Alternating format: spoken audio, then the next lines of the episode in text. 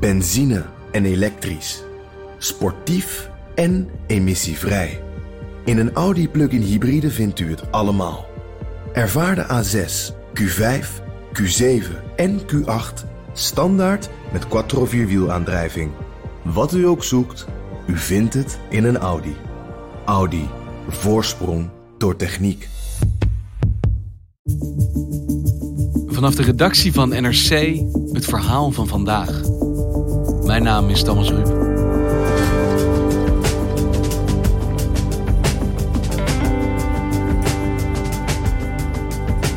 Het nieuwe mobiele netwerk gaat er komen. Ergens volgend jaar moet het icoontje 5G prijken op het scherm van je telefoon. De beloftes zijn groots. Dit moet onze levens ingrijpend gaan veranderen. Maar dat geldt ook voor de risico's.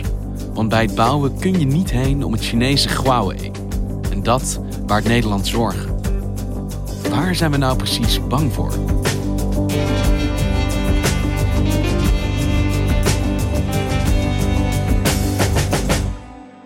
Hey Mark, heel fijn dat je er bent vandaag. En ik begrijp dat jij die ontwikkeling van 5G eigenlijk in een soort embryonale fase hebt kunnen aanschouwen. Waar was jij geweest? Dat was in 2017. Ik ben uh, op bezoek geweest bij uh, Huawei. Dat is het uh, Chinese bedrijf dat netwerkapparatuur maakt. Every day we get many visitors every day. Mark Heijink is tech-redacteur op de economieredactie van NRC.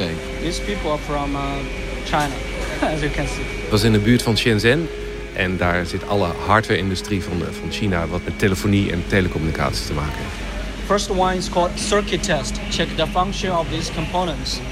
En een van de onderdelen was dat we naar een fabriek gingen, ergens achteraf. Een uurtje rijden van, uh, van het centrum van Shenzhen. En Huawei kwam ons laten zien hoe ver ze al waren met uh, de invoering en de ontwikkeling van hun uh, 5G-apparatuur. All the testings are using the testing platform called HUMEP. Huawei United Manufacture Equipment Platform. It's developed by Huawei. The hardware, the software, the platform, everything. Huawei is een bedrijf dat al jarenlang telecomapparatuur maakt, maar de laatste jaren uh, zich heel enthousiast heeft gestort op het ontwikkelen van die nieuwe technologie. En wat er bij 5G voor het eerst gebeurde, is dat Huawei zich actief bemoeide met de ontwikkeling van uh, ja, de protocollen, hè, de regels, de systemen die in de toekomst gebruikt gaan worden. En dat is heel anders dan bij 3G, waar uh, Europa nog een flinke vinger in de pap had.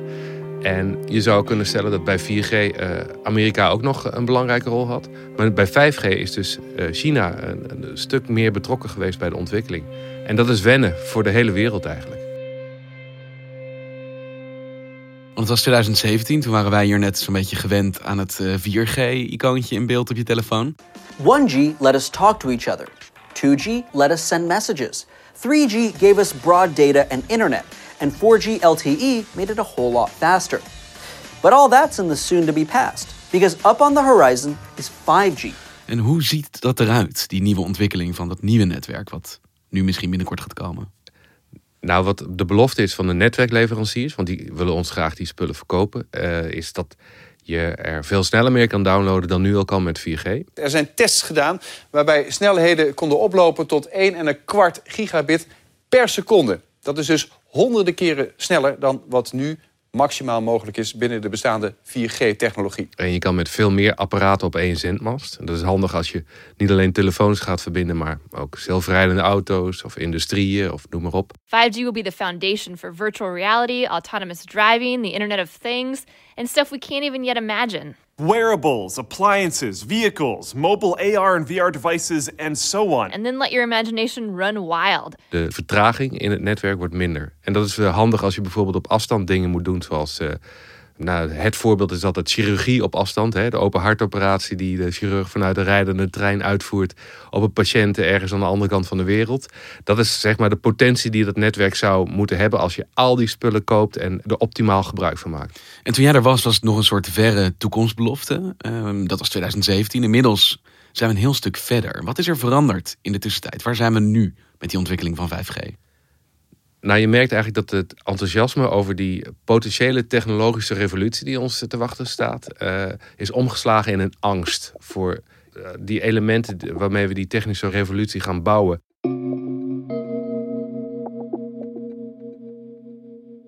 Het is nu anders dan bij 4G of 3G of, of 2G, omdat we verwachten dat onze maatschappij straks veel afhankelijker zal zijn van het mobiele netwerk dat al die fantastische mogelijkheden gaat bieden om bijvoorbeeld industrieën te bouwen. En uh, dat maakt het belang van wie dat bouwt veel groter. En daar zijn we nou over aan, aan het nadenken, want de frequenties voor 5G worden door de overheid geveld. En de bedoeling is dat de eerste netwerken in 2020 operationeel zijn. En voor de uiteindelijke bouw van dat netwerk worden dus spullen geleverd, waarschijnlijk van Huawei, dus het Chinese bedrijf. Huawei zal, als, zoals het er nu nou uitziet, eh, een belangrijk deel leveren van eh, de netwerken van KPN en van T-Mobile. En bij de Nederlandse overheid is nu de vraag eh, gerezen: willen we dat eigenlijk wel? En waarom? Omdat we China niet bij voorbaat vertrouwen.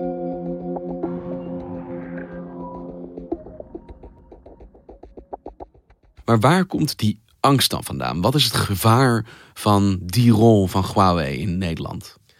Er zijn eigenlijk twee angsten. De eerste angst is dat via die apparatuur en die software van Huawei eh, er spionnen mee kunnen kijken en bijvoorbeeld eh, bedrijfsgeheimen kunnen ontfutselen of mensen kunnen volgen hier. Een mogelijkheid om via een verstopt achterdeurtje toch dan mee te kijken met wat er in onze Nederlandse netwerk gebeurt. Dat is angst 1. Angst 2 is dat wie weet zit er ooit een keer iemand in uh, Beijing en die zegt van weet je wat, we gaan het Nederlandse netwerk uitschakelen. Uh, zet die kill switch maar aan en dan ben je het plop. Valt hier het mobiele netwerk uit. En, kill switch. Ja, dat is een beetje het, het enge scenario van iemand die op afstand uh, alle infrastructuur kan uitschakelen. En daar zijn we bang voor dat het bij onze bruggen gebeurt, of bij onze havens, of andere belangrijke industrieën. Maar wie weet wel ons hele mobiele netwerk. Ja, dus dat is dan de angst. En maakt het dan hier uit wat zij precies gaan leveren? Of gaat het om de grote vraag: wil je ze überhaupt iets laten doen voor dat 5G-netwerk? Nou, dat laatste aspect, wil je ze überhaupt iets laten doen? Die vraag die kun je nou niet meer stellen, want de Chinezen zitten al heel erg in de huidige netwerken die we hebben. Dus uh, het is een van de belangrijkste leveranciers als het gaat om uh, radiotechnologie. En dat uh, zit al in het netwerk van T-Mobile. Dus heel veel zendmasten, ongeveer 5 of 6.000 in Nederland, maken gebruik van Huawei. KPN gaat er ook mee beginnen. T-Mobile heeft nog een aspect in hun netwerk, uh, namelijk het kernnetwerk, zoals dat heet. Dus de brains van, van het mobiele netwerk, volledig aan Huawei overgedragen. Namelijk, uh, daar, daar heeft Huawei de apparatuur ingezet en ze doen ook het beheer via een, een Nederlands bedrijfje. En er is nog een derde aspect, namelijk het onderdeel in het netwerk waar de klantenregistratie zit. Dus uh, jouw en mijn naam en nummer. En wat we op de onze rekening hebben staan. En wat er nog betaald moet worden. Welke gesprekken we gevoerd hebben. Hoeveel data we verbruikt hebben. Dus de privacygevoelige informatie. Ja, en daar zitten bijvoorbeeld bij KPN ook uh, Chinese partijen die dat. Uh, of in ieder geval, daar zit Chinese apparatuur. Maar we gebruiken dus op heel veel manieren al apparatuur van Huawei. Dus wel of geen Chinese spullen. Die hele vraag is dus een soort gepasseerd station. Want we doen het al. Waar hebben we het dan nu wel over? Nou, de gevoeligheid zit hem vooral in die netwerken die we gaan gebruiken, die dadelijk helemaal in de aderen van onze maatschappij gaan zitten, is de verwachting.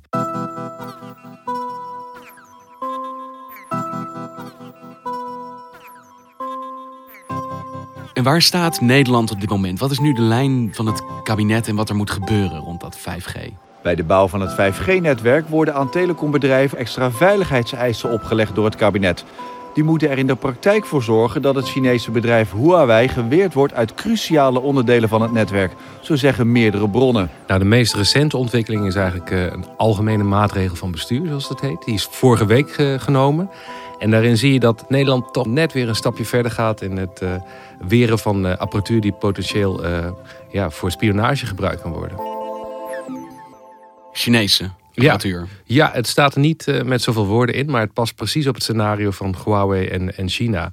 En uh, wat uh, die maatregel nou, of eigenlijk is het een voorzorgsmaatregel, wat die behelst is dat er specifiek in staat dat er apparatuur fysiek moet verwijderd worden uit de, uit de netwerken. En tot nu toe was de hoop van de providers dat ze met wat extra maatregelen, extra controles niet aan uh, hun apparatuur zouden hoeven zitten in de kernnetwerken. Maar in deze uh, nieuwe maatregel staat dat het uh, fysiek verwijderd zou kunnen worden. Maar wacht even, dus dat betekent niet alleen dat voor het nog te bouwen netwerk bepaalde apparatuur geweerd gaat worden uit China, maar dat zelfs apparatuur die nu al in werking is in Nederland moet verdwijnen? Nou, moet verdwijnen, zou kunnen verdwijnen eh, je zou het zo kunnen noemen dat het kabinet nou de stok heeft ontworpen, maar er nog niet mee gaat slaan. En eh, dat kunnen ze in de loop van het volgend jaar gaan doen. En wat natuurlijk de hoop is, is dat tegen die tijd de kou ook al een beetje uit de lucht is, zodat die maatregel niet genomen hoeft te worden. Maar het is uh, toch weer een stap verder in het weren van, van die Chinese spullen.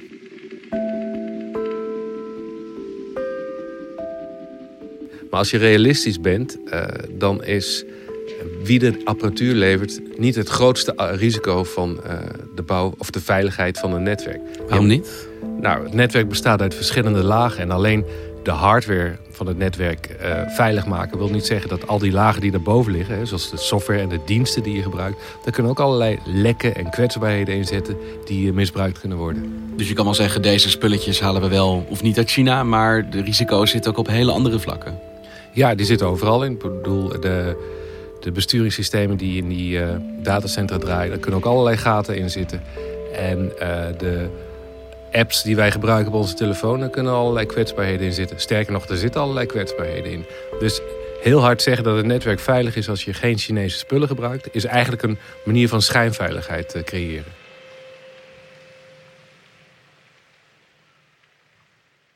Maar is er dan wel een manier om zo'n netwerk überhaupt veilig te houden voor hacks van buitenaf? Van de Chinezen dan in dit geval, omdat we het daar nu over hebben. Nee, de enige manier eigenlijk om dingen in het algemeen veilig te houden... is te zorgen dat je altijd een achtervang hebt en dat je ze heel goed controleert. Maar, uh, zeg maar het spreekwoord alle eieren in één mandje stoppen... is natuurlijk altijd vragen om problemen. Want zodra je dan uh, iets zou moeten vervangen in het netwerk... of er zijn leveranciersproblemen... dan uh, ja, loop je eigenlijk het risico dat je je spullen niet meer kan laten draaien... op de manier zoals je wilt. Dus je moet een multi-vendor strategie hebben, zoals de providers dat noemen. Zorgen dat je je spullen bij meerdere partijen kan afnemen, zodat je altijd kan wisselen. En het werkt als een soort wisselgeld in je onderhandelingen. Van zorg dat de spullen veilig zijn, zorg dat ze werken, anders gaan we naar de concurrent. Want ik hoor alleen maar uh. Is dit dan de enige die dit kan leveren, deze apparatuur? Ja, het is grappig dat je het zegt. Want eigenlijk is Huawei heel erg blij met deze, in ieder geval dat zeggen ze, uh, ophef. Want het is uitstekende reclame voor een merk. Maar tegelijkertijd zijn er ook partijen als Ericsson en Nokia uit Europa die dezelfde soort spullen leveren. En over het algemeen zijn die ongeveer van dezelfde kwaliteit. Als je het de experts vraagt, loopt Huawei iets voor. Maar ja, dat wordt natuurlijk ontkend door hun concurrenten. Maar goed, ehm, als er dan alternatieven zijn en we maken ons dusdanig grote zorgen over Huawei, waarom gaan we dan niet toch voor die Europese concurrenten? Wat de providers zeggen is dat als je Ericsson of Nokia vraagt het netwerk te bouwen, je snel duurder uit bent dan als de Chinezen het doen. En tegelijkertijd is het zo, in onderhandelingen is het altijd handig om twee alternatieven te hebben dan maar één alternatief. Dan kun je een lagere prijs afdwingen. En om het nog ingewikkelder te maken, ja, sorry Thomas. Uh, Nokia, Nokia, en Ericsson die laten hun apparatuur ook gewoon in, uh, in China bouwen. En dus het kan heel goed dat daar ook allerlei achterdeurtjes in geschroefd worden. Uh, het is echt een theoretische discussie. Uh, want tot nu toe zijn er niet geweest. Maar het is wel een argument dat geldt in deze hele woordenstrijd.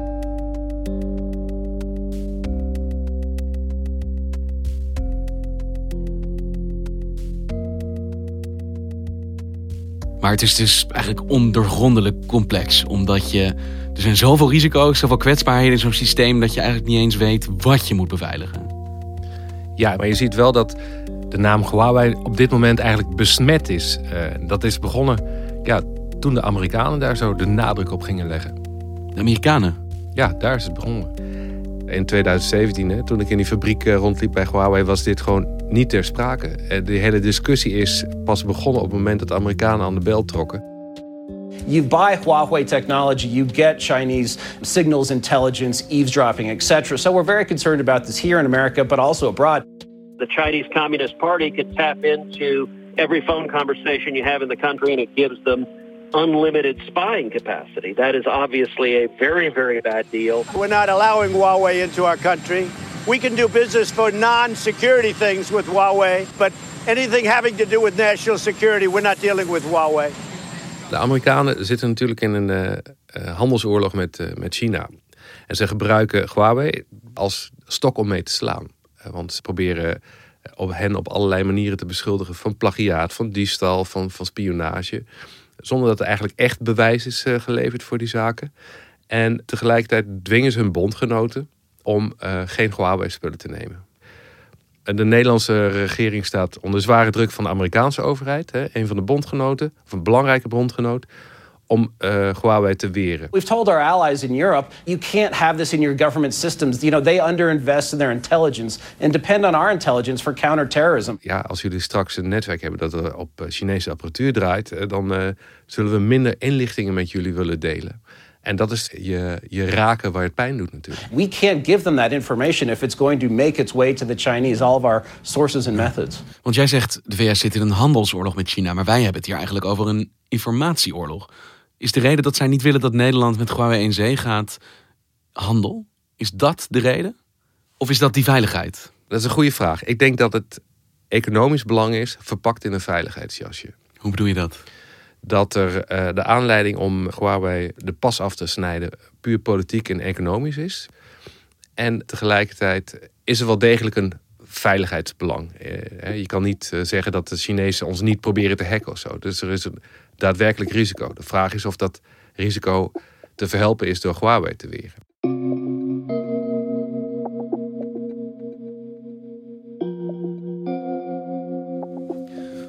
En in deze hele discussie over 5G, over China, de VS, handelsoorlogen.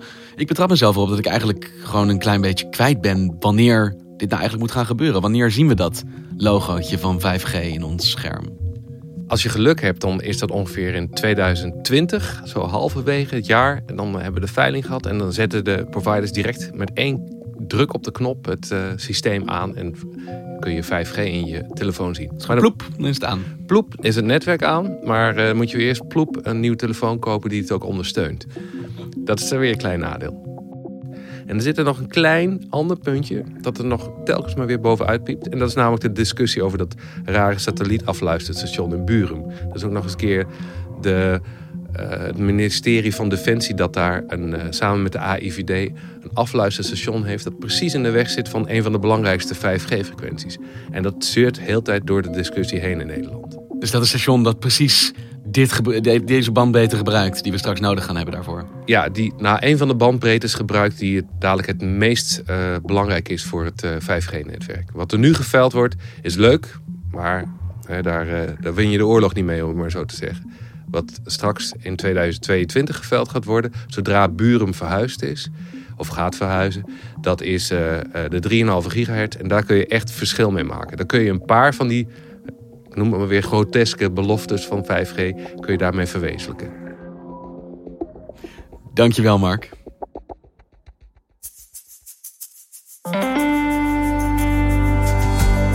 Je luisterde naar vandaag, een podcast van NRC. Eén verhaal, elke dag. Dit was vandaag, morgen weer.